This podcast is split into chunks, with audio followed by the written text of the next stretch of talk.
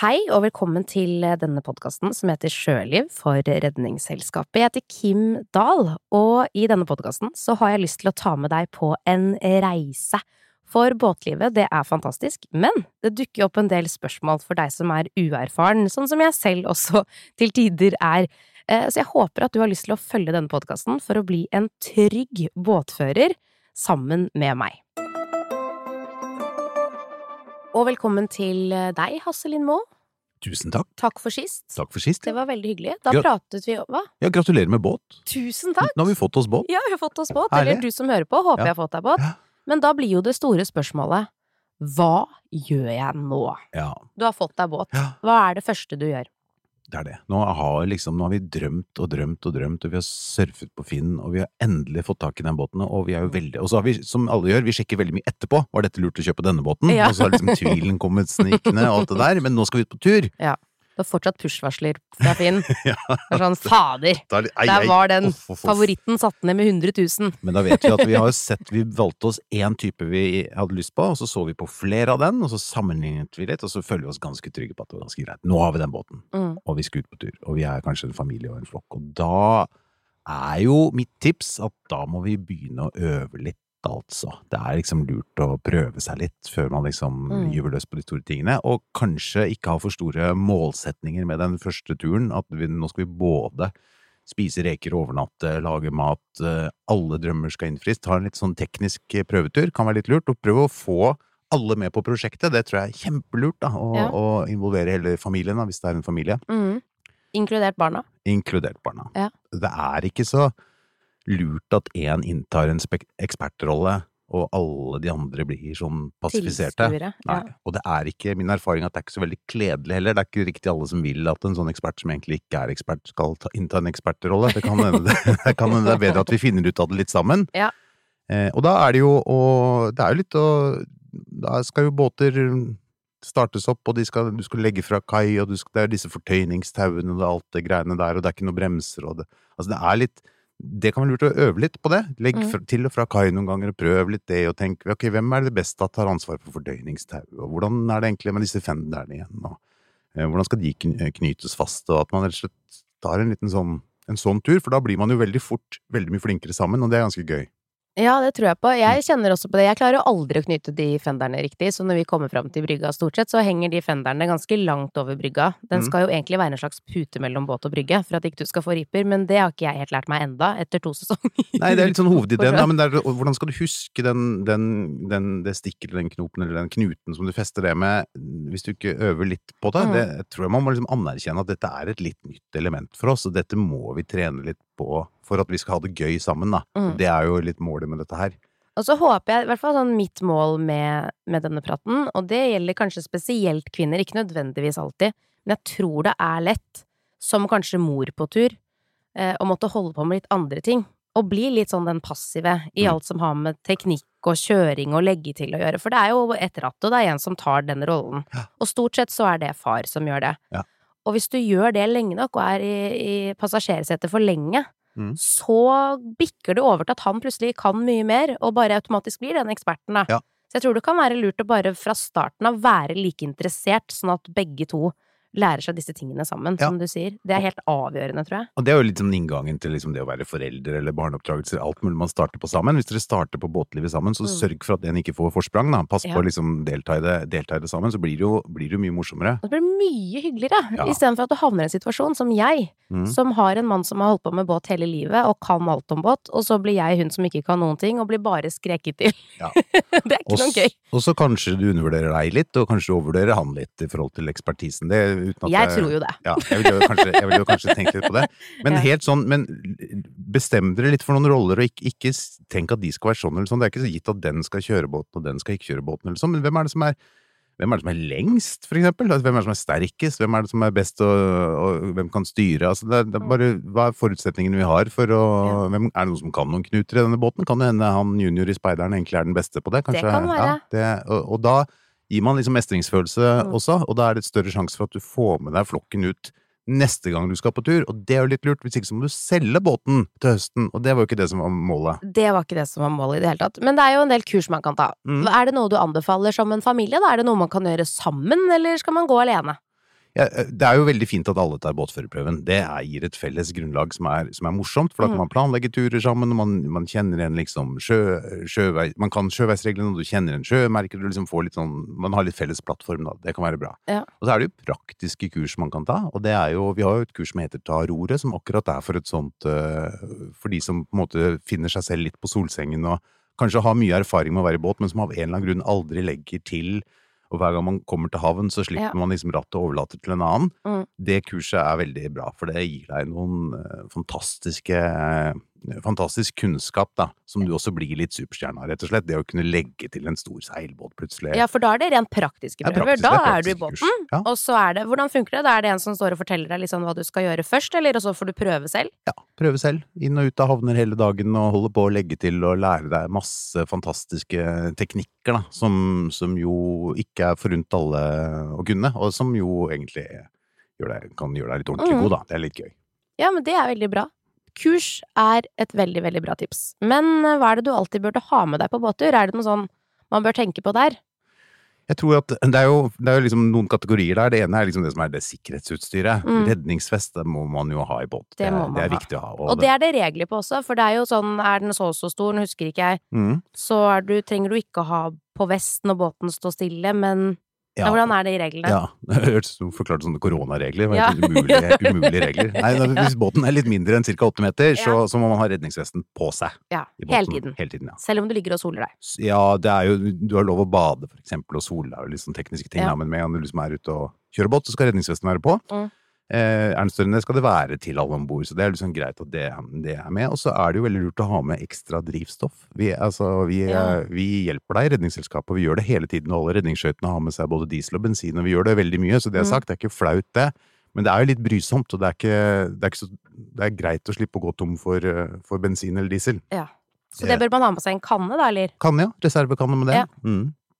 Det tenker jeg er liksom helt sånn minimum. Litt brannslukningsutstyr bør det være, og, Ja. og kanskje litt sånn førstehjelpsutstyr. Mm. Det er viktig å ha med seg. Og så tror jeg det er lurt å tenke på at vi ikke må liksom tilbake etter en halvtime. Så hvis det betyr liksom en eller annen løsning for å få gått på do, eller noe drikke, eller noe vann, eller klær Det blir jo ofte Det der ideen om den rekemåltidet i solen blir jo veldig fort litt sånn ettermiddagsbris og litt kaldt. Det blir dessverre det. Ja, det gjør det. Så tenk litt gjennom det, at ok, vi som flokk skal være ute en stund. Ta med deg, Mm. ta med deg litt greier, altså. Ja. Det kan lurt.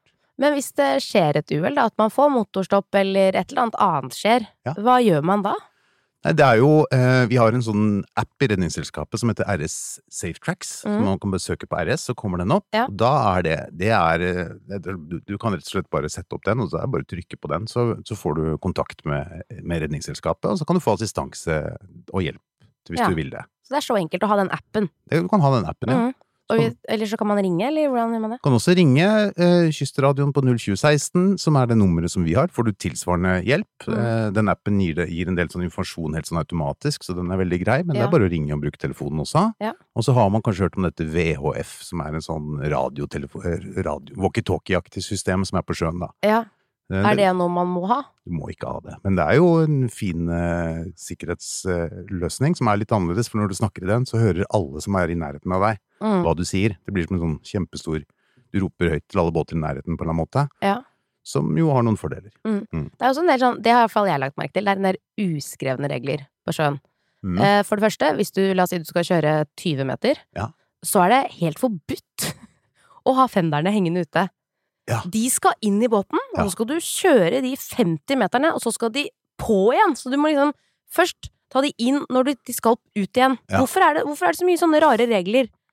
Jeg vet ikke om det er noen regler, men, men jeg har også lagt merke til det at det er noe som fritidsbåtfolk er litt opptatt av. Ja. Og jeg tror det, det kommer nok fra et sånt ønske om å liksom være litt shipshape og ha litt orden i båten og rydde opp og skvære opp liksom utstyret sitt og ikke ha løst tauet liggende og sånn, så er det jo Mm. veldig synlig da når disse fenderne henger utenfor. Ja, Så hvis du liksom er veldig opptatt av at de andre båthavna skal synes at du er noe til kvinne, så kan du jo ta inn de fenderne da. Men jeg mener ikke Ja. det der er det viktigste med båtlivet, altså. Du vil også oppleve at uh, flaggheising er det endeløse debatter om på sånne foraer og sånn, når, når flagget skal være oppe Ja. og når det skal tas inn og alt mulig sånt. Det har jeg lagt merke til, for det er regler på det òg.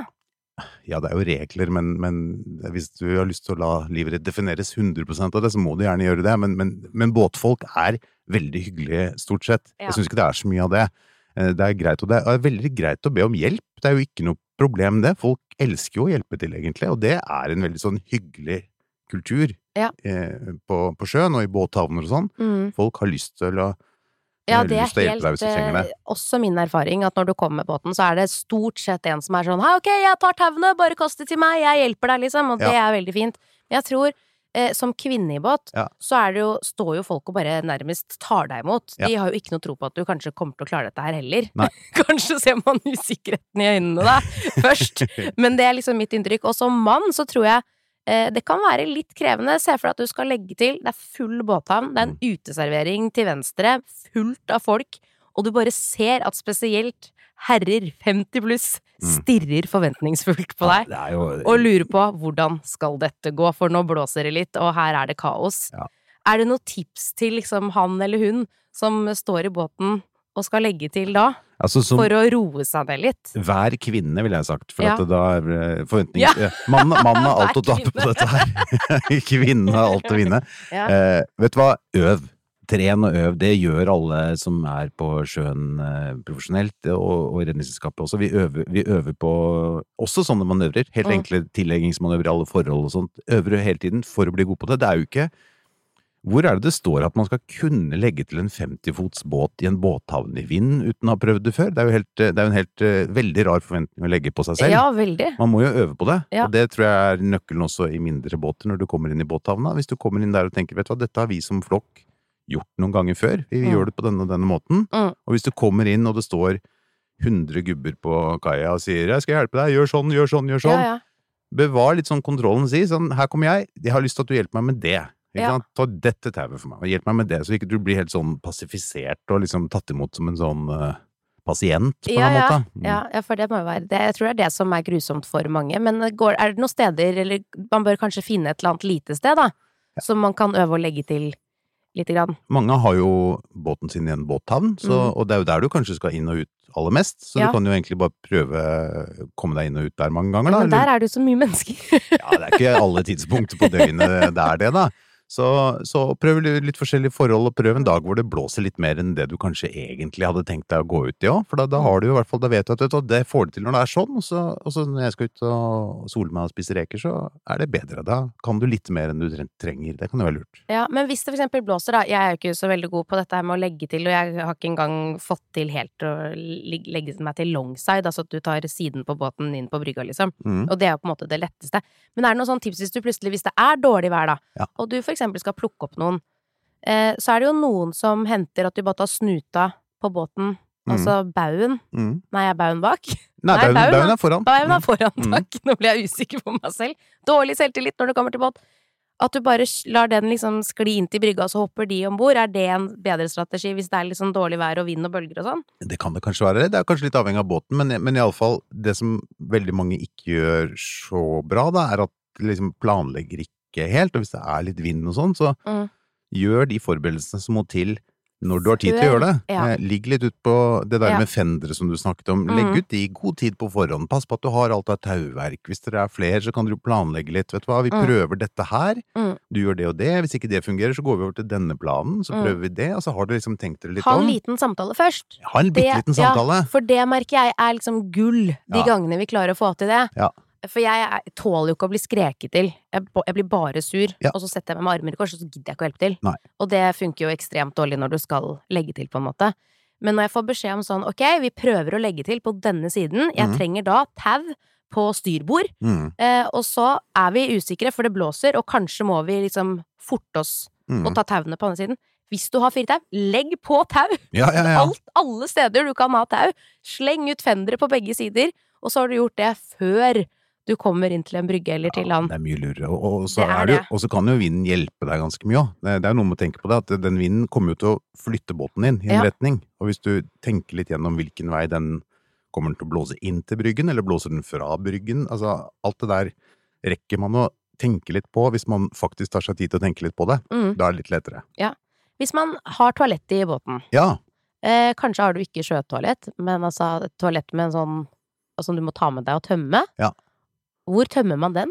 Det kan du jo tømme Det er jo tømmestasjoner på veldig mange steder. I en del båthavner og sånn, så er det Mm. sånne tømmeløsninger som du kan få suget de opp. Det er jo faktisk også lov å tømme en del av disse toalettene, gitt at du har brukt riktig type papir og er litt sånn krav til det, i, Mm. i sjøen uh, så lenge det er langt fra land og sånn. Ja. Det, det går an. Ja, er det 300 meter fra land som er 300 meter fra land. Ja. Men så er det jo de aller minste kan du jo også, er jo laget litt sånn som en campingtoalett, at du faktisk kan tømme det i et toalett eller en kum eller et eller annet sånt noe Ja. på land. Da. Det er kanskje det enkleste og kanskje det stiligste. Det er skikkelig stilig. Ta med seg den.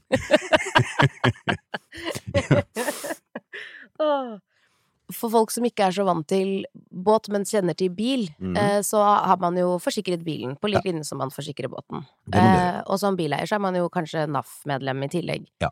Er det nødvendig å være medlem av Redningsselskapet når du har båt? Nei, det trenger du jo ikke, men det er jo veldig praktisk. For det er, en, det er en forskjell på bil og båt i den forstand at hvis du får et problem med bilen, og den stopper, Mm.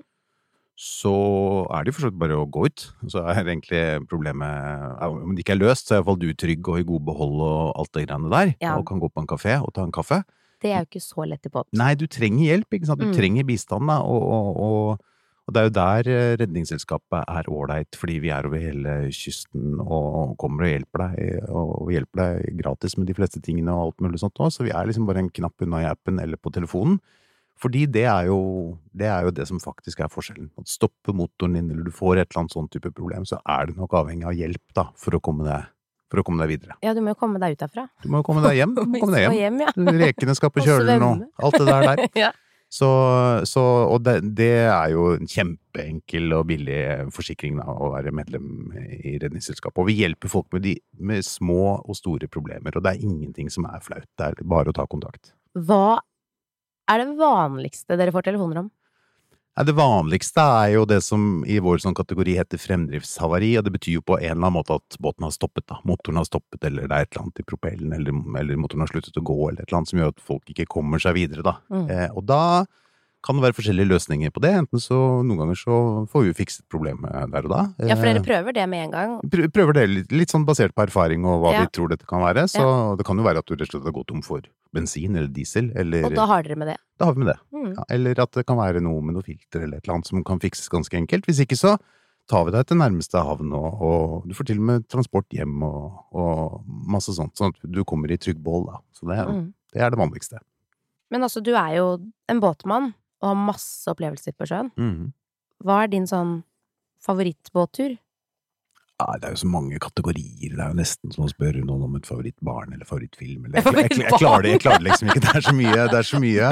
ja. Eh, men, men sånn øh, ut fra det jeg sitter og tenker når vi har pratet nå, da, den, den derre følelsen av å ha en båt og kunne, den friheten det er, å kunne dra Mm. ut en ettermiddag, kanskje til og med bare etter jobben og bade litt og sånn, skal vi ikke dra dit, skal vi ikke gjøre det, skal vi ikke bare Og så blir man liggende der, og det hentar det andre. Den frihetsfølelsen som det gir, og den måten å liksom oppleve naturen og byen man bor i, jeg bor i en by da, det på en ny måte, er helt fantastisk. Det, Mm. det syns jeg Det kommer jeg aldri til å gå lei.